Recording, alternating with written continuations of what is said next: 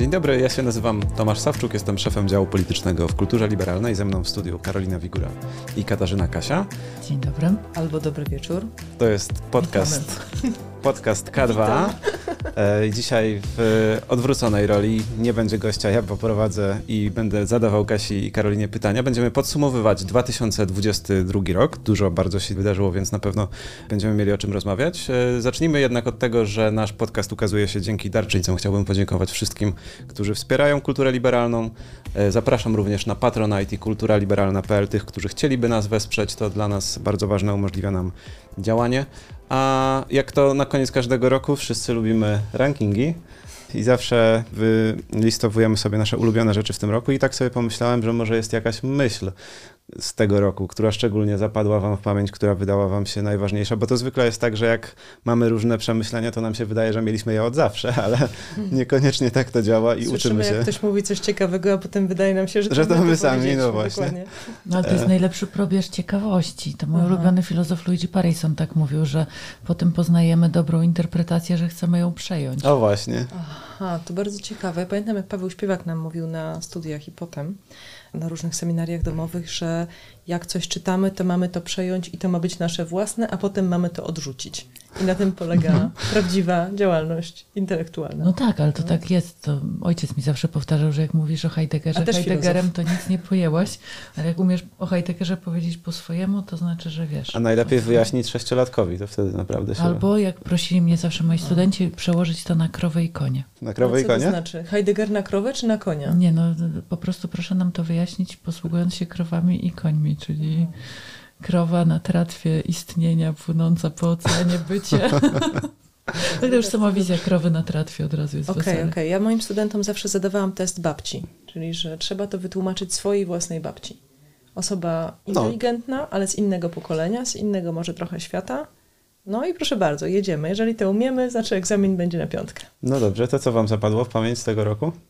Ja to mam wrażenie, powiem zupełnie szczerze, że mam wrażenie, że ten rok był tak intensywny, Mhm. że trudno jest tak naprawdę powiedzieć, czy jeszcze cokolwiek słyszę jako taką odrębną myśl. Ja mam taki tumult w głowie Aha, tak naprawdę. kiedy Że wszystkiego nagle za dużo. Było wszystkiego nagle za dużo, było bardzo dużo interpretacji, które gdzieś tam zapadły mi w pamięć, było bardzo dużo procesów intelektualnych, które się odbywały. Myślę, że jak, jak, y, jak myślę o, o takiej myśli, jak myślę o myśli, proszę Państwa, tak, to wtedy taka myśl przychodzi mi do głowy i to są właściwie dwie, trzy rzeczy, jeśli mogę, tak Mhm. króciutko. Pierwsza rzecz, miałam w tym roku i w poprzednim jeszcze, ale jakby bardzo długo w tym roku miałam przyjemność e, przyjaźnić się, być razem na stypendium w Berlinie z Harszem Manderem. To jest Mhm. e, indyjski intelektualista. Mieliśmy też wywiad, Wywiad w z Kulturze nim Liberalnej, W Kulturze tak. Liberalnej. Bardzo Państwu serdecznie ten wywiad polecam. I wielkie wrażenie robi Harshmander po prostu jako osoba, ponieważ jest to osoba najbardziej skromna ze wszystkich skromnych osób i taka, która zawsze puści cię pierwszego w drzwiach i taka, która zawsze otworzy ci drzwi i jeszcze po tobie posprząta i jest po prostu nieprawdopodobnie skromną osobą, a jednocześnie bardzo maksymalistyczną w myśleniu. Mhm. I mieliśmy ciekawe dyskusje na temat tego, wokół jakiej zasady ten nowy świat moglibyśmy Mhm. zbudować. Skoro jest w nim taki chaos, skoro jest potrzeba budowania tej etyki globalnej, to co miałoby to być? I według Harsha Mandera to jest coś, co można w skrócie określić jako życzliwość. Okej. Czyli, że trzeba myśleć bardzo maksymalistycznie, że życzliwość w stosunku do każdej osoby. Był duży spór na temat tego, tej zasady pomiędzy nami, bo ja w myśleniu jestem raczej minimalistką. Mhm. Mnie się wydaje, że znacznie więcej osiągniemy, jeśli myślimy w kategoriach minimalistycznych, czyli może by tak po prostu nie krzywdzić albo nie Mhm. opuszczać drugiej osoby. I, I taka myśl harsza, która gdzieś tam ze mną jest cały czas i z którą się cały czas mocuję, chociaż nie wiem, czy się z nią zgadzam, to jest taka, że trzeba działać bardzo minimalistycznie, ale myśleć bardzo maksymalistycznie. I gdzieś tam po tym roku muszę powiedzieć, że że, że ta myśl jest ze mną i nawet jeżeli nie do końca gdzieś tam filozoficznie się z nią zgadzam, to ona jest dla mnie bardzo wartościowa. No mm. miały być trzy rzeczy, ale już strasznie długo mówię, więc teraz Kasia. Dobra, Kasiu. Znaczy ja się zgadzam z Karoliną w tym, że ten rok to był rok szumu informacyjnego przede wszystkim i jednych strasznych rzeczy, które zastępowały inne straszne rzeczy i jakoś trudno właśnie znaleźć jedną myśl. Ja myślę, że dla mnie w tym roku miałam wyjątkowo dużo okazji spotykać różne wspaniałe osoby, z którymi rozmawiałam o różnych e, niezwykle ciekawych rzeczach.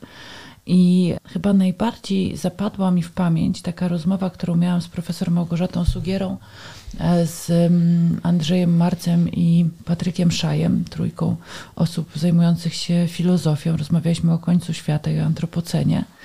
I zapadła mi w myśl jakoś tak głęboko, z takim bardzo dobrym uzasadnieniem, o tym, że że tak naprawdę już ten świat, w którym żyliśmy dotychczas, on się skończył, że te nasze dzieci, te następne pokolenia będą żyły w świecie, który będzie się borykał z zupełnie innymi problemami. Szczerze mówiąc, gdzieś tam chodziło to za mną, to myślenie właśnie takie e, o końcu świata, nieco apokaliptyczne, ale w tym roku właśnie dzięki tej rozmowie z nimi pojawił się jakiś taki spokój i rodzaj pogodzenia się z tym faktem, że katastrofa klimatyczna, chociaż oznacza na pewno zagładę ludzkości, bo po prostu nie będzie warunków do życia dla nas na tej planecie, to nie oznacza zagłady planety i planeta najprawdopodobniej przetrwa, nawet jeśli my jak dinozaury wyginiemy. No Także za mną chodzi taka myśl o Rozkoszna wizja. O Rozkoszna wizja, właśnie chciałem powiedzieć, że, ale to w prognozach na przyszłość że to mi zmienia, wiesz, trochę może jeszcze porozmawiamy. w ogóle na wszystko. Ale zgadzam się z wami, że, bo ja też się tak chwilę po prostu zadałem sobie to pytanie, bo tak właśnie chciałem się zastanowić, czego się sam nauczyłem w tym roku. I też miałem takie poczucie, że bardzo trudno mi wyróżnić te myśli, które się pojawiły w tym roku, bo właśnie tak wiele się zmieniało, że w gruncie rzeczy cały czas w ogóle próba nadążania za tym i uchwycenia tego, co się dzieje, już sama w sobie jest wysiłkiem, a co dopiero wymyślić coś, e, czego się wcześniej nie, nie, nie myślało w tym kontekście. I w końcu doszedłem do tego, że taka porządkująca myśl e, to było coś, co mi pomogło. W książce zresztą, którą wydaliśmy Jana Wernera Millera i no ja dużo czasu myślę o polityce, więc to jest e, rzecz dotycząca polityki i demokracji i on tam próbuje podsumować w krótkich zasadach, na czym polega demokracja. Mówi o tym właśnie, on zresztą pisał tę książkę w czasie pandemii i też pisze o tym, że tak wiele się dzieje, że w tej złożoności potrzebujemy wrócić do pewnych pierwszych zasad, jak to nazywa, po to właśnie, żeby trochę lepiej rozumieć, co się dzieje, bo jak sobie uprościmy sytuację, to nie chodzi o to, żeby opisać ją w sposób fałszywy, tylko tak łatwiej się rozeznać. No i on mówi właśnie, że demokracja to jest równość, wolność i niepewność. I, I, w tym kontekście tego, co się właśnie dzieje, ta nauka wydaje mi się taka bardzo ważna, bo z jednej strony się z tą niepewnością mierzymy cały czas, ale z drugiej strony nie można bez niej wyobrazić sobie demokracji w takim sensie politycznym. Czyli on mówi o tym, że wynik działania politycznego musi być ostatecznie niepewny, że w demokracji tak to działa, że jak są wybory, to musi nie być wiadomo, jaka polityka będzie realizowana po wyborach, bo różne partie mogą wygrać. I autorytaryzm z kolei to jest taki ustrój, w którym wiadomo, jaka będzie polityka, tylko nie wiadomo, jakimi środkami zostanie doprowadzona rzecz do celu. I w tym sensie ta niepewność, ten element niepewności w demokracji, chociaż może nie, nie za dużo, bo wiadomo, że właśnie jak się tego robi za dużo, to wtedy też ludzie po prostu tracą orientację i, i z kolei są sfrustrowani i mają może nawet chęć obalenia takiego systemu, który nie daje bezpieczeństwa, no to, to ta doza jest tutaj e, potrzebna. Ale... Znaczy, to jest też ciekawe, bo to zobaczcie, e, generalnie w demokracji chyba powinna się łączyć pewność z niepewnością. Pewność, pewność procedur, że mówi, tak, wybory tak. się odbędą, natomiast niepewność co do, e, co do ich wyniku jest, jest super mhm. ważna. No, też ciekawe jest to, jak Müller, który jest rzeczywiście wyjątkowo inteligentnym autorem, jak on pracuje na Montesquieu'u tutaj, dlatego że w końcu to Montesquieu jako pierwszy właściwie próbuje dla każdego systemu politycznego wyznaczyć emocję. To nie jest nowy pomysł, żeby emocja była opisywana w danym państwie, ale nowym pomysłem Montesquieu'a jest, żeby każdy ustrój miał swoją emocję. I dla Montesquieu'a demokracja to jednak miłość równości, a nie niepewność. I tak mhm. ciekawego przesunięcia dokonuje Müller, bo, e, bo gdzieś tam niepewność jest związana też z lękiem. Mhm. Nie do końca, nie mhm. musi być, prawda? Bo jeżeli jesteśmy pewni siebie, gdzieś tam swojej wartości, tak. swojego myślenia, swojego działania, to niepewność może być po prostu interesującym stanem poznawczym albo pewnym pogodzeniem się z mhm. rzeczywistością. Nie musi być złą emocją. Tak. Może być emocją taką pewnego takiego mm, trwałego rozpoznawania się w świecie, coś takiego, prawda?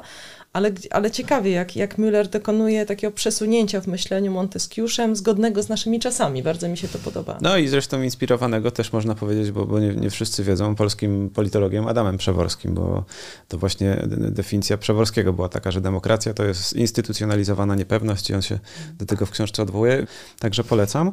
I słuchajcie, no, ten temat niepewności się pojawia właściwie od początku we wszystkich naszych wypowiedziach i chciałem porozmawiać z wami po tym naszym małym rankingu o tym, co o takich właśnie najważniejszych zdarzeniach, zjawiskach w tym ostatnim roku. Niektóre z tych rzeczy, które można powiedzieć są pewnie banalne, tak jak to, że najważniejszym pewnie, tu się zgodzimy, wydarzeniem była inwazja Rosji e, na Ukrainę i trudno właściwie porównywać e, inne wydarzenia, jeśli chodzi o to, jak wpłynęły one na e, nasze życie, ale wydaje mi się, że takie nazwanie tego, co się wydarzyło, właśnie takie zatrzymanie się na chwilę, to też jest ważny moment. I nie wiem, co o tym sądzicie, ale jak ja sobie myślałem właśnie o takim znaczeniu tego wydarzenia, to pomyślałem sobie, że pojawia się y, coraz więcej takich czynników, właśnie trochę, Kasiu, to o czym ty wspomniałaś, które y, powodują, że nie jesteśmy pewni tego, co się właściwie dzieje, że samo to podsumowanie już jest takim trudnym momentem, prawda? Że mamy właśnie w ostatnim czasie i pandemię, i wojnę, no i rozwijający się cały czas, rozwijającą się cały czas rozmowę o kryzysie klimatycznym, że tak wiele niewiadomych się pojawia. Jakie są długofalowe zamiary Rosji? Jakie będą relacje Zachodu i Chin? Jak należy ją ukształtować, prawda? Czy spójność Zachodu się utrzyma i w jaki sposób? Bo jak będą na przykład kolejne wybory w Stanach Zjednoczonych, wygra kandydat na przykład skrajnej prawicy, no to ta polityka potencjalnie może ulec zmianie zmianie, albo różne takie czarne łabędzie, typu jakie nieprzewidziane zdarzenia klimatyczne spowodują no, na przykład jakieś nowe zjawisko, o na którym jeszcze nie pomyśleliśmy. I to są te globalne, prawda? A jeszcze mamy podobną sytuację wewnątrz, bo w tym 2022 roku polski rząd, czy ktoś go lubi, czy nie, też można powiedzieć, że stracił pewien zrozumiały kierunek czy orientację, bo tak jak w przeszłości mówili, że chcą na przykład, nie wiem, zakończyć postkomunizm i wprowadzić dobrą zmianę, to był pierwszy etap. Potem w 2019 roku drugi etap, no to był ogłoszony program polskiej wersji państwa dobrobytu, czyli taka idea trochę łączenia nacjonalizmu z taką polityką, powiedzmy, wspierania uboższych, przynajmniej jeśli chodzi o ideę, to było zrozumiałe. A teraz w tym ostatnim roku, no to z kolei jak sobie popatrzymy, ostatnie tygodnie to jest coś niesamowitego. Tutaj mam cytat z premiera Morawieckiego, który mówi, że większego chaosu i kłopotów niż mamy obecnie w sądownictwie już chyba mieć nie możemy. A, następ...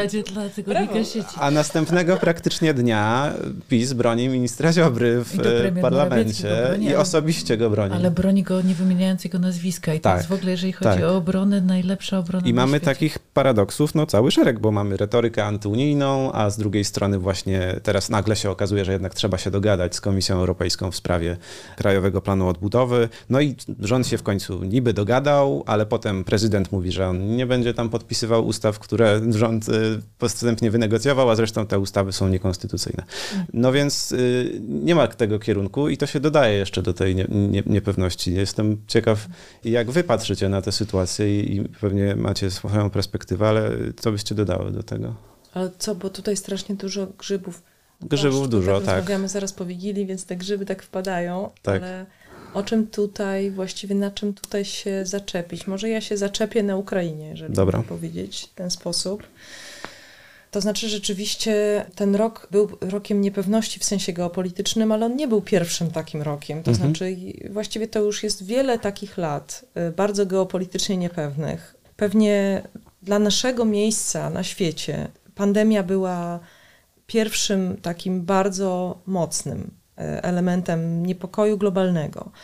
Ale ta wojna w Ukrainie też powiedzmy sobie szczerze, że ona jest dla nas ważna, bo my jesteśmy usytuowani na mapie tak, jak jesteśmy usytuowani. To jest jakby pierwsza rzecz.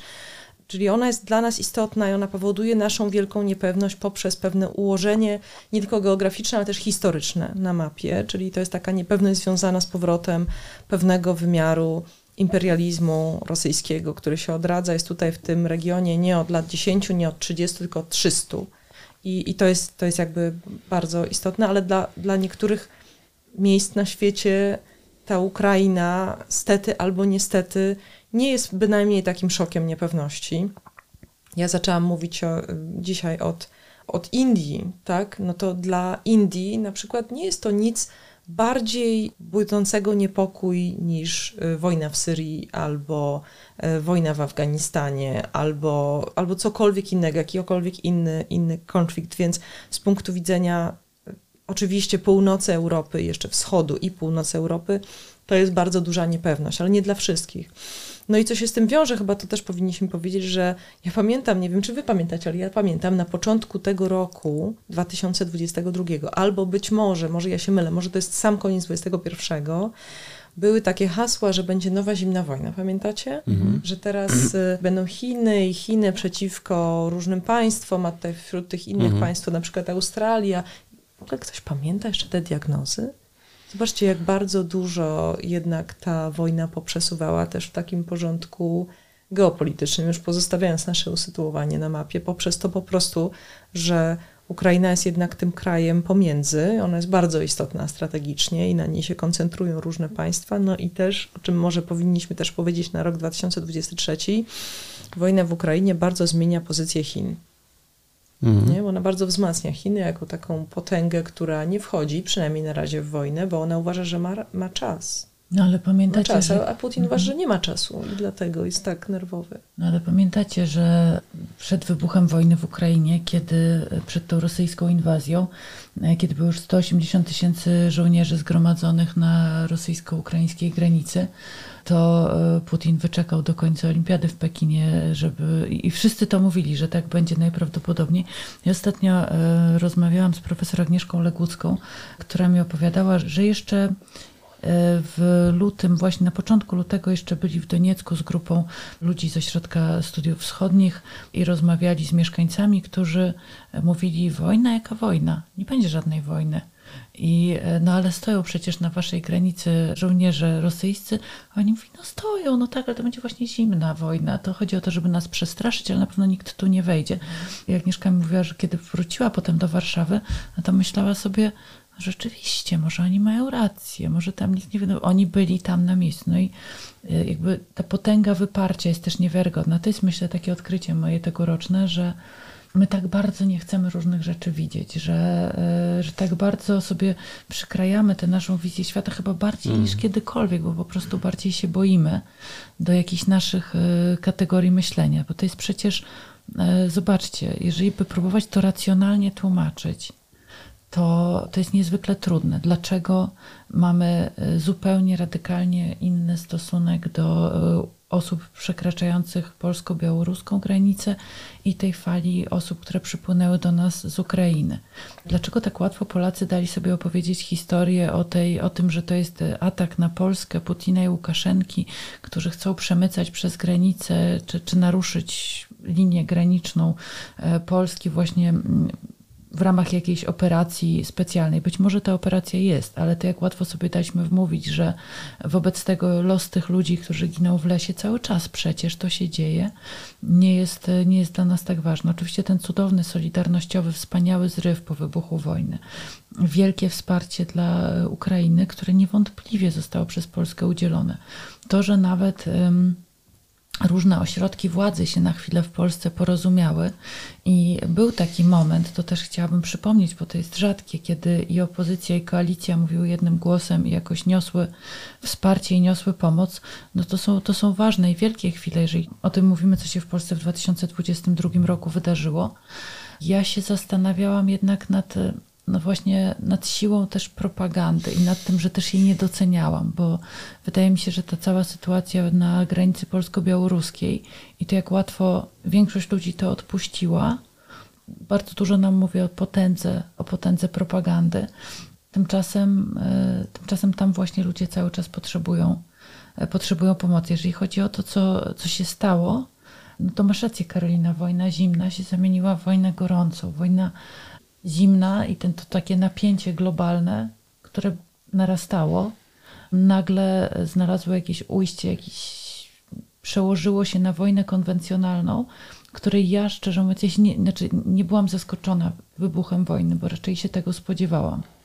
Natomiast, że to będzie taka wojna, że to będzie wojna cofająca nas do połowy XX wieku, to tego się nie spodziewałam. No tak, i jeszcze właściwie zmiatająca z powierzchni ziemi jeden kraj, prawda? Dlatego, że mhm. oczywiście sposób przecenić odwagi i determinacji Ukraińców w sposobie, jaki oni się bronią, ale fakt faktem, że strategia jest syryjska, to znaczy, że tam chodzi po prostu o to, żeby tam nie został kamień na kamieniu w tym państwie I to trwa, i trwa, i trwa, prawda? I to jest trochę też tak, że a reszta patrzy. Mhm. Reszta patrzy. Oczywiście y, niektórzy patrzą bardziej aktywnie, tak? bo niektórzy coś wysyłają, a niektórzy wysyłają bronię, a niektórzy próbują mediować i tak dalej, ale dla mnie ciągle wracam do tego Xi. E, to znaczy, że, że, że częścią w ogóle tej całej strategii e, Xi Jinpinga w momencie, kiedy on bierze całą władzę, prawda, i właściwie już jest w tej chwili dożywotnim cesarzem, można powiedzieć, jest też to, że on się przygląda temu i patrzy, jak to zmieni stosunek Chin do Rosji, bo nagle Rosja okazuje się junior partnerem w, tym, w tej całej relacji z Chinami. To Rosja się Jeżeli daje sprowokować i wchodzi w krwawą wojnę jeśli jakim, jakimkolwiek, a, a, a wielkie mocarstwo czeka i patrzy, co z tego wyniknie. Także to jeszcze chyba. Jeszcze zobacz, to wielkie mocarstwo ma teraz potężne problemy wewnętrzne związane z polityką e, zero COVID czy no COVID i tak dalej i e, wielkimi protestami społecznymi, które w tej chwili wybuchają. One są tak ogromne, że się nawet przebijają do światowej opinii publicznej, co mm. naprawdę świadczy o tym, że muszą być gigantyczne, ponieważ Chińczykom się udaje przy totalnej blokadzie informacyjnej jednak zdecydowaną większość tego, co się w ich kraju dzieje i co nie pasuje do właśnie propagandowych celów ukrywać. Mm -hmm. Natomiast tutaj, zobaczcie, miały miejsce tak ogromne ogromne demonstracje, jakich nie było w państwie środka od naprawdę wielu dziesięciu lat. Tak jest. E, także e, myślę, że Chiny teraz mają problemy wewnętrzne, o wiele bardziej potężne niż e, w ogóle ktokolwiek sobie z tego zdaje sprawę. No bo to jest taki trochę efekt uboczny tego, że wziął ktoś całą władzę, tak? Znaczy, skoro mhm. wziął całą władzę, to jest za wszystko odpowiedzialny, a skoro jest za wszystko odpowiedzialny, no to jeżeli hmm. polityka zero COVID była nie tylko absurdalna, ale też okrutna, no to w takim razie osoby, które tam mieszkają, które są przecież bardzo dobrze wykształcone i tak naprawdę naprawdę świetnie skomunikowane mm, internetowo, lepiej niż my zazwyczaj zakładamy, y, no to one będą protestowały. Ciekawe, jaki będzie no, skutek tego to, wszystkiego.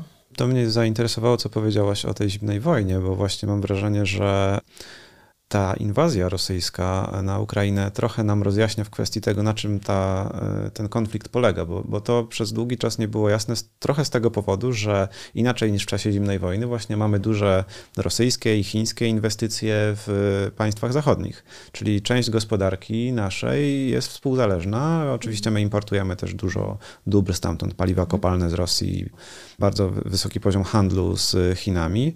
No, ostatnio mieliśmy też podobną sytuację, jeśli chodzi o pieniądze z Katarem, który wiadomo, a to kupi e, klub piłkarski e, gdzieś tam we Francji, a to teraz wiceszefowa Parlamentu Europejskiego została przyłapana na korupcji za katarskie pieniądze. Siatki pieniędzy. I to, i, to, I to wszystko pokazuje, że mamy takie dwie logiki, dwie logiki działania, że oczywiście no, w krajach zachodnich jest jakaś ta swoboda, powiedzmy, wolnorynkowa, że firmy działają we własnym interesie. Natomiast w tych krajach, takich jak właśnie Rosja i Chiny, koniec końców przedsiębiorstwa działają w interesie państwa, a przynajmniej jeśli nie działają, to państwo je grzecznie poprosi o to, żeby zaczęły. Mhm. I to powoduje ostatecznie, że one właśnie na przykład mogą wykorzystywać pieniądze świadomie po to, żeby korumpować e, czy oficjali zachodnich, czy żeby zdobywać określone wpływy. I teraz ogromne pytanie na przyszłość, a które ta inwazja uświadomiła, dużo szerzej niż wcześniej, to jest takie, że ta współzależność nie daje pokoju. Tylko, że ona właśnie, to nie jest tak, że wszyscy teraz staną się zachodni dzięki tej, że zachodni w sensie liberalnym, bo oczywiście zachód nieliberalny też istnieje i, i te tradycje wszystkie komunizmu i nazizmu, no to, to nie, nie wypłynęły gdzieś z, z Japonii, tylko właśnie z, z tradycji zachodniej intelektualnej. I teraz pytanie na przyszłość, to jest oczywiście co z tym zrobić, natomiast to nam uświadamia tyle, że no właśnie, że, że są bardzo takie mm, kierunkowe decyzje do podjęcia I o ile wcześniej był pewien chaos taki pojęciowy z tym związany, to teraz sytuacja się trochę rozjaśnia. Z Unii Europejskiej płyną jakieś sygnały właśnie, że potrzebne jest jakieś rozejście się, jeśli chodzi o tę o zależność, na przykład, żebyśmy mogli więcej dóbr takich podstawowych dotyczących bezpieczeństwa produkować sami, czy to dotyczących komunikacji. No, mówi się też o, o produkcji mikroprocesorów i półprzewodników w Europie, co jest bardzo trudne, bo bardzo kosztowne i tutaj Amerykanie są w lepszej sytuacji e, niż Europa. Także dla mnie ten rok to jest w tym sensie trochę rokiem takiego też rozjaśniania tego, że, że Putin może trochę popchnął w pewnym sensie y, zrozumienie tej sytuacji po stronie zachodniej, że to nie jest właśnie tak, że możemy zwiększać poziom handlu i to oznacza wtedy, że wszyscy stajemy się bardziej pokojowi, mhm. bo koniec końców to nie rozwiązuje tych innych konfliktów, które sobie istnieją równolegle i, i mogą przeważyć w pewnym momencie. Znaczy też zobaczcie, że ten konflikt nam uświadamia y, w ramach tego rozjaśnienia, o którym mówisz, tutaj to, co, y, co najbardziej nas dotknęło z tej naszej perspektywy państwa, które nie jest bezpośrednio zaatakowane, to jest gigantyczny kryzys energetyczny. To jest kwestia tego, że y, wracając do tego, od czego zaczęłam, czyli do końca świata z powodu katastrofy klimatycznej, to, czego się nie dawało, czego ekolodzy nie byli w stanie wytłumaczyć przez lata, mówiąc o konieczności transformacji, nagle zostanie wymuszone na Europie na przykład przez wojnę w Ukrainie i przez to, że nałożyliśmy co jest wspaniałym pakietem, te wszystkie sankcje na Rosję. Zaprzestaliśmy importu paliw kopalnych z Rosji i nagle się okazało, że są gigantyczne w związku z tym problemy, bo na przykład w Polsce wierzyliśmy w energetykę opartą na węglu, wiele osób dalej w nią e, wierzy, nie dokonano transformacji, mamy zamrożone ustawy, na przykład ustawę wiatrakową, nie są wprowadzane rzeczy, które już w ramach Fit for 55 w Europie całej są wprowadzane. I nagle nawet Polska będzie musiała jednak odejść od, e, od energetyki opartej wyłącznie na węglu. I to, co się przez lata mówiło o tym miksie energetycznym, o tym, że nie mamy czym oddychać, to się okazało jakby mniej mhm. to, że nie mamy mhm. czym oddychać, było mniejszym problemem niż to, że po prostu nie możemy dalej w tak ogromnych ilościach importować węgla z Rosji. A wspomniałaś o Polsce, to chciałem was jeszcze właśnie o ten rok ostatni w Polsce zapytać, bo dużo rozmawialiśmy na razie o sprawach globalnych i tutaj wydaje mi się, że takim przewodnim tematem w tym roku była, był oczywiście napływ y, uchodźców z Ukrainy do Polski i reakcja Polaków też na to, jak wielka jakby aktywność społeczna, społeczeństwa obywatelskiego, jeśli chodzi o przyjmowanie Ukraińców i, i pomoc y, w trakcie wojny. Gigantyczne wydarzenie, też związane z, przez te miesiące z pewną taką obawą, czy ta powiedzmy cierpliwość, czy to dobre podejście się nie skończy. I ja mam, jestem tutaj dość pozytywnej myśli, to znaczy, że, bo tak straszono trochę, że, że Polacy będą zmęczeni, że ta cierpliwość się wyczerpie, że pojawią się jakieś antyukraińskie jednak odruchy i one będą coraz szersze. Ja mam wrażenie, że te przestrogi jak na razie się niespecjalnie zmaterializowały, że jednak mm. cały czas ta akcja przebiega na, na tyle dobrych emocjach i zrozumieniu tej sytuacji, że to jest pewna wyższa konieczność i że potrzebna jest po prostu pomoc ludziom, że, że polskie społeczeństwo cały czas jakby reaguje w gruncie rzeczy z pełnym zrozumieniem. Oczywiście z jakimiś tam elementami niedużymi, ale myślę po prostu niedominującymi frustracji. Jak, ciekaw jestem, jak to widzicie. Ja myślę, że to są dwie strony medalu. To znaczy pierwsza strona medalu jest rzeczywiście optymistyczna, i ona jest interesująca w kategoriach takiego e, nowego wymiaru pojednania między narodami, mm -hmm. powiedziałabym. Mm -hmm. To znaczy, że Polacy i Ukraińcy mają za sobą dwa rodzaje pojednania. Jedno pojednanie jest takim pojednaniem, powiedziałabym, klasyczno-siermiężno-powojennym, czyli Tutaj spotkają się elity, jacyś politycy, jacyś prezydenci mhm. i tak sobie powiedzą parę ciepłych słów, zrobią ceremonię i tak wszyscy powiedzą, o, no to już żeśmy przebaczyli, to wspaniale, prawda? I potem to ani się na jakieś programy szkolne nie przekładało, ani tak naprawdę na jakąś szerszą debatę publiczną.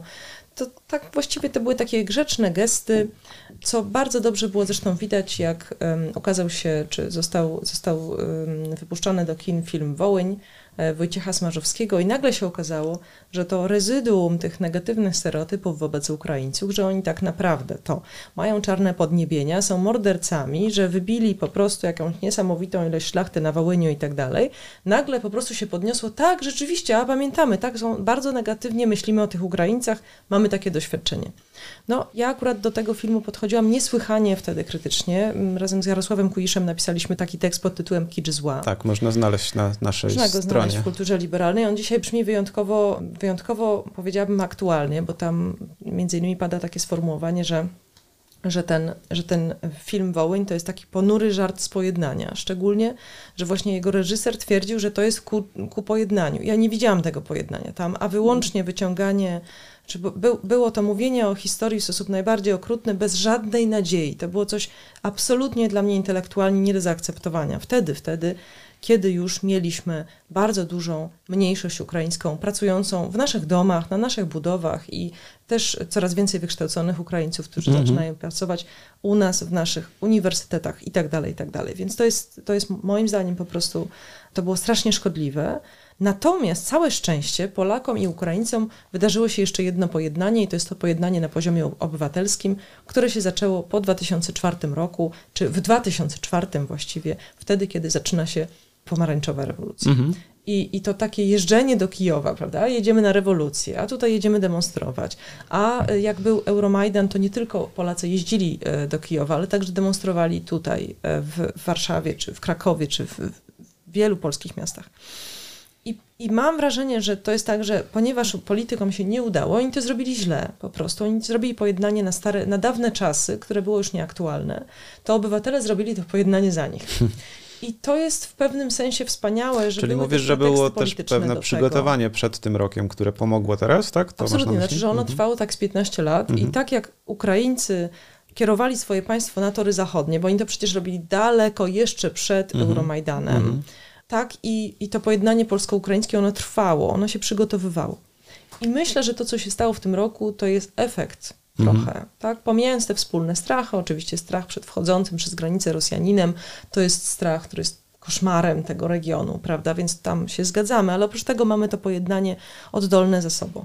Natomiast jednak ja bym nie zapominała, wiesz, o tym, że, że, że jest ta melodia nacjonalistyczna, prawda? Że jest y, y, Oksana Zabuszko i że przerywany Mhm. jest jej wykład i że, bo to jest coś takiego, że, że, że tak bywa w różnych sytuacjach społecznych, że jest jakaś mała, radykalna grupa, w tym wypadku to są nacjonaliści, którzy No grają próbują to wykorzystać, melodię, tak. tak. Oni będą Mhm. grali tę Tak, melodię tak, długo. Tak. Nie, oczywiście. I w którymś momencie to moim zdaniem niestety będzie przynosiło efekty. W momencie na przykład, gdy okaże się, że polskie instytucje państwowe są niewydolne lub są Mhm, coraz bardziej mhm, niewydolne i mhm. wtedy co powiemy? No tak, no bo Ukraińcy przyjechali, prawda? Bo nie mogę jakiegoś dokumentu dostać. Albo Ukraińcy przyjechali. I tak się, tak się, tak się moim zdaniem zacznie. Więc moim zdaniem nie wolno w ogóle oddać pewnego rodzaju agendy, rozmowy o tym też, że wspólna integracja powoduje wspólne wyzwania i one nie muszą być miłe i to może być duży problem, żeby zintegrować na przykład tyle ukraińskich dzieci w polskich szkołach i o tym trzeba mówić, Mhm. bo jak nie będziemy o tym mówić i nie będziemy szukać tych rozwiązań, to potem okaże się, że ta grana przez nacjonalistów media Jasne, będzie tak, przekonująca. Tak. Nie, oczywiście. Tego się już oczywiście. nauczyliśmy chyba przez ostatnie lata. No tak, żeby nie ukrywać się. Tak, problemów, bo to tylko potem na, nabrzmiewa. Tak. Oczywiście, Mhm. oczywiście. No, to, co ja miałem na myśli, to to, że właśnie, że mimo, że jest ta melodia, to ona jest jakby na tyle ignorowana albo zagłuszana, że po prostu ludzie w to nie idą, jakby nie ufają Trochę temu. Tak jest, no ale mamy ewidentne ofiary tego, tak? No, To znaczy, mówiąc wprost, że. Konfederacji spadło poparcie po wojnie po prostu.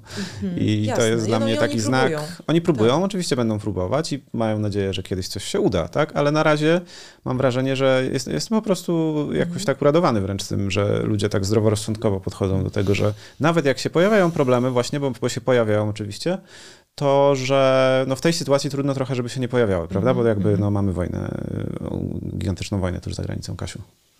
Znaczy nie mam nic do dodania. Nie masz nic do dodania. Okej.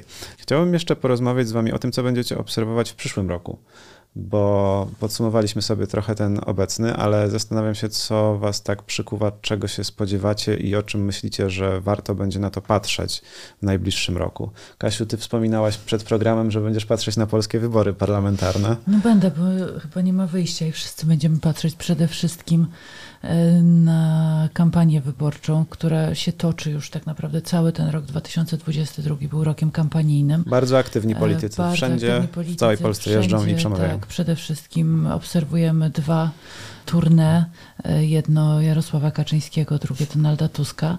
Obaj są niezwykle aktywni, obaj te, to są takie, takie powiedziałam, lustrzane odbicia Trasa koncertowa. Tak, trasa z jednej strony Jarosław Kaczyński, który jeździ po Polsce, po różnych miejscowościach. E, Tam spotyka się z grupą, którą Krzysztof Dałkrzewicz bardzo ładnie określił mianem dowożeńców, e, czyli takich e, fanów swoich twardego elektoratu, który jest na te spotkania dowożony rzeczywiście. Spotkania są bardzo wyczyszczone, tam raczej nikt nie może Jarosławowi Kaczyńskiemu zadać pytania, którego on by nie chciał usłyszeć, bo tam to zawsze wygląda tak samo, że najpierw jest jakieś takie przemówienie Jarosława Kaczyńskiego ogólnie o wszystkim, tam się pewne wątki powtarzają, a potem jest sesja pytań i odpowiedzi, to różne osoby przeważnie członkowie PiSu, politycy przeprowadzają z Jarosławem Kaczyńskim, tam odczytują takie niby to pytania od publiczności.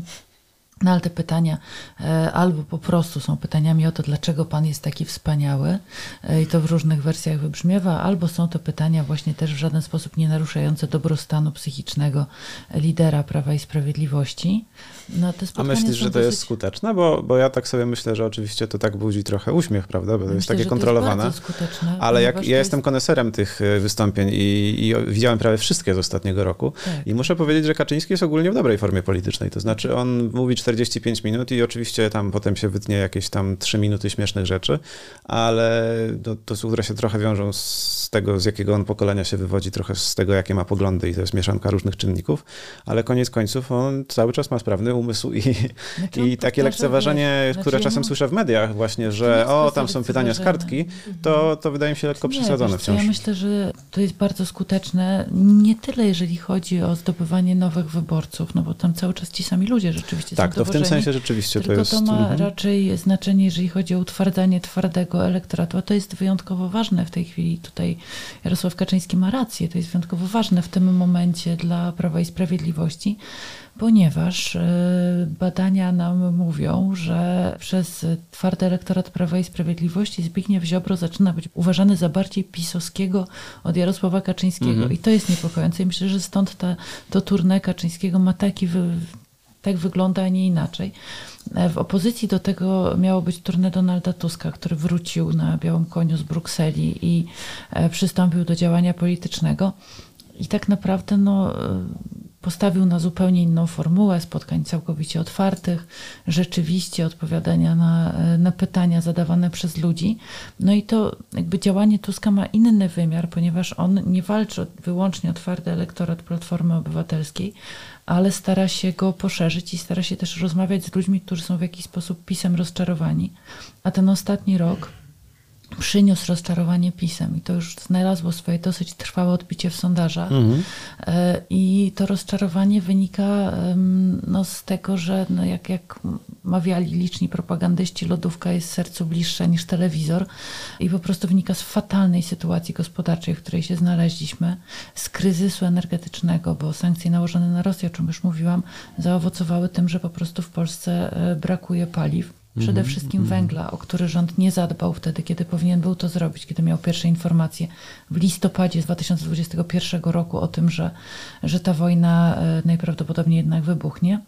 No i te wszystkie opowieści, wiecie, o węglu, który nie dopłynął, e, o tym, że ludzie, że, że węgiel podrożał potwornie, że ludzie nie mają czym palić w zimie, no to są rzeczywiście opowieści potworne e, i na tym tle wypowiedź prezesa Kaczyńskiego o tym, żeby wszystkim palić w piecu, tylko nie oponami, no rzeczywiście nabiera takiego złowieszczego znaczenia. Także będę patrzyła na te wybory e, z wielką ciekawością, obserwując nie tylko te dwie partie, czyli Platformę i PiS, ale również jestem niezwykle ciekawa, co będzie dalej z, w tej kampanii z lewicą. Czy ona zaostrzy swój kurs, e, czy wypracują jakiś rzeczywiście wspólny język, który bardziej będzie mainstreamowy i właśnie mniej będzie do E, twardego elektoratu lewicowego skierowany, bo jest taki elektorat, mhm. ale tutaj chodzi o to, żeby te zasięgi poszerzać. Ciekawa jestem dalszych losów e, ugrupowania Szymona Hołowni, które w tej chwili jest trzecim graczem, jeżeli chodzi o zasięgi na scenie politycznej tak. polskiej, tylko że no to wiecie, to są porównania jak 30 do 9, no bo mniej więcej około 30% poparcia mają e, Prawo i Sprawiedliwość i Platforma tam z różnymi przesunięciami na Hołownia ma 9 Około 10. tam 10, tak. Tak, także mhm. oni tutaj mają się o co, o co bić. Oczywiście zawsze mnie bardzo interesuje los PSL-u. Uważam, że to jest partia magiczna i ona bardzo dobrze, jakby status PSL-u bardzo dużo nam mówi o tym e, w ogóle na co patrzą Polacy i w jaką stronę będziemy politycznie zmierzali. To jest bardzo ciekawe. E, mam nadzieję, że Konfederacja skompromitowana, tak jak mówiliście tutaj, jeżeli chodzi o reakcję na wybuch wojny w Ukrainie, no bo ta partia bardzo dobitnie pokazała, że jest partią zdecydowanie na garnuszku Kremla. Ta partia się już porozpadała na mnóstwo różnych małych ugrupowań w tej chwili i y, jestem ciekawa, jak ten rozpad będzie postępował i co oni właściwie w ogóle uzyskają, bo wydaje mi się, że to, o czym często zapominamy, mówiąc o Konfederacji, to, że to jest ugrupowanie, które jest koalicyjne tak naprawdę. No właśnie nowego posła zyskali ostatnio. Więc... Tak, zyskali nowego posła, ale, no, ale ciekawa jestem, jak to się tam dalej wszystko będzie, y, będzie toczyło. Nie wierzę, y, od razu to powiem w tej chwili, na tym etapie, w to, żeby um, udało się wypracować jakieś bardziej wspólne fronty. Myślę, że na tym etapie, na którym jesteśmy, Koalicja Obywatelska, czyli Platforma i Nowoczesna i ugrupowanie Barbary Nowackiej pójdą razem do wyborów, tak jak szły, e, że być może ta koalicja polska się utrzyma, czyli Hołownia z PSL-em, mhm. E, natomiast Lewica pójdzie, e, pójdzie oddzielnie i to też chyba nie ma innego wyjścia na tym etapie, bo nie wierzę w egzotyczną koalicję Platformy i Lewicy. Nie wydaje mi się, żeby, pewnie, żeby pewnie to było dla Lewicy dojdzie, korzystne w jakikolwiek mhm. sposób, ani dla Platformy, także tutaj raczej tego nie będzie. No i spodziewam się, wiecie, to, to o czym myślę, to jest y, to, że no, czeka nas naprawdę mnóstwo brudu, mnóstwo zła, mnóstwo skandali, mnóstwo jakichś takich nagłych zwrotów akcji. Że emocje będą rosnąć, tak, mówiąc i o każdy, o każdy punkt poparcia procentowego y, w sondażach walka będzie naprawdę mm. krwawa. Mm. Mm -hmm. Karolino, notujesz? Ja tak, notuję, bo jak mówi Kasia, to ja mam bardzo dużo myśli, więc właśnie to jest inspirujące bardzo. Więc ja właściwie chciałabym powiedzieć na temat jednej rzeczy, takiej zasadniczej. To znaczy, że w tym roku zorientujemy się, czy populizm może się znudzić. Aha. Bo 2015 rok, jak sobie przypomnimy pierwszą wygraną PiSu i w ogóle jak sobie przypomnimy i Brexit, i wygraną Trumpa, i różne wygrane populistów, to bardzo często wtedy padał taki argument, że liberałowie są wyrzucani jakby z rządów, bo się zrobili strasznie nudni, mhm. bo oni nic nie przynoszą, żadnych mocnych emocji, bo oni tylko mówią, że tak, musi być państwo prawa i taka racjonalność i ciepła woda musi się lać i to taka śmiertelna nuda mhm. i powiedziałabym, no ta, taka demokratyczna nuda, to można byłoby odpowiedzieć Müllerowi nawet, że wolność, równość, nuda to właściwie powinna być demokracja i powinniśmy się nawet z tego cieszyć, bo nudne państwo jest państwem stabilnym, stabilnym, ale, ale właśnie wtedy wchodzą populiści i mówią: zaraz, zaraz, zaraz, ja tutaj zrobię skandal, tutaj powiem coś, co jest absolutnie oburzające, będziecie o mnie cały czas mówili, dlatego że ja powiem coś, co jest absolutnie Przykuwa uwagę. Tak, przykuwa uwagę. Mhm. Pamiętam, Robert Krasowski użył takiego pięknego sformułowania, że Jarosław Kaczyński dla, y, dla tych liberalnych środowisk w Polsce to jest jak taka kobra, która tam się podnosi i tak tańczy, nie? I, i wszyscy tak, ojej, kobra, prawda? Straszne. I, i, ale, ale, ale, to trochę jest też tak, że nasze mózgi ulegają tej habituacji, tak? Czyli, mm. że mhm. no cokolwiek w tej chwili nowego powie, czy to Zbigniew Ziobro, czy Jarosław Kaczyński, to jak usłyszymy ten katechizm, o którym ty mówisz, kiedy mówisz, że on zawsze powie te 40 swoje 5 minut i to w gruncie rzeczy są te same tematy, tak dowiemy się, że Berlin rządzi Unią Europejską, geje i lesbijki za chwilę przejmą władzę tutaj w Polsce, nie potem no, się dowiemy jeszcze, że osoby e, transpłciowe, oszukują, nie wiem, to jest... tęczowa zaraza, że jeszcze co, aha, Zachód nam zagraża, Y, no, no i jeszcze wyspą, Kościół, nie można podnosić ręki na Kościół i w końcu mówisz sobie, a już nie mogę tego słuchać, zawsze jest to samo. To jest mantra, nie? I pytanie, mhm. czy to nie jest tak, mhm. że te radykalne, że radykalizm może się znudzić, znaczy, że w którymś mhm. momencie twój mózg przestaje reagować, bo po prostu słyszysz cały czas to samo, to jest jakby pierwsza rzecz, a druga rzecz jednak, to jest ten świat celebrytów, z którym, z którym e, politycy od dłuższego czasu konkurują i może się okazać, że to nie jest wcale tak, że wyborcy w takim razie powiedzą, dobra, to wracamy do tych liberałów, oni są troszeczkę nudniejsi, ale to fajnie, bo są bezpieczniejsi, tylko mówią, nie, to zamykamy w ogóle ten kramik I teraz idziemy słuchać, co nowego powie jakiś taki radykalny celebryta. W ogóle już nie polityk. Zostawmy tę politykę. No to... to jest też ciekawe, prawda? Czy populizm się znudzi jako tak. taka, taki produkt medialny, nie? Ale też właśnie może, może to, że ten przekaz jest taki radykalny, a potem efekt jest y, wcale nie radykalny, tylko jeśli efektem jest chaos i to, że w sumie coś się nie udało zrobić. No właśnie, to jest taka dwoistość tego PiSu, nie? Bo z jednej strony PiS, y, mówi się, jest jedną z niewielu partii, która rzeczywiście zrealizowała swój program, takiej zapowiedzi i potem oni się zresztą próbują sprzedawać na tym, że e, wyborczo, że my wprowadziliśmy 500 plus, tak jak mówiliśmy, że wprowadzimy i różne tam rzeczy, które zapowiadaliśmy, to zrobiliśmy, ale z drugiej strony właśnie jak jednym z głównych tematów były te sądy i potem sam premier wychodzi i mówi, że większego chaosu i kłopotów być nie może, no to, e, no to że wtedy tego efektu nie ma mimo tego radykalnego przekazu i że, że wtedy to rzeczywiście może budzić takie, okej, okay, to w sumie to nie jest już może ważne, co oni mówią. Mhm. No dobrze, słuchajcie, e, życzymy naszym widzom, słuchaczom, widzkom i słuchaczkom wspaniałego 2023 roku, wbrew wszystkiemu, co mówiliśmy do tej pory. Ekscytujący to na pewno będzie. Nie był za bardzo ekscytujący. Może, żeby nie był aż tak bardzo ekscytujący. O. No ja Państwu życzę trochę ciepłej wody w kranie. Trochę ciepłej wody w kranie, Karolino? Będzie. Mm, ja bym przede wszystkim życzyła jakiegoś takiego rozsądnego centrum, żeby się nie wszystko rozgrywało na marginesach radykalizacji. No i żeby był pokój też Państwu życzę. Ale nie zawsze tak. cenę, tylko taki wywalczony. Sprawiedliwego pokoju życzymy tak, w takim razie. Pokój.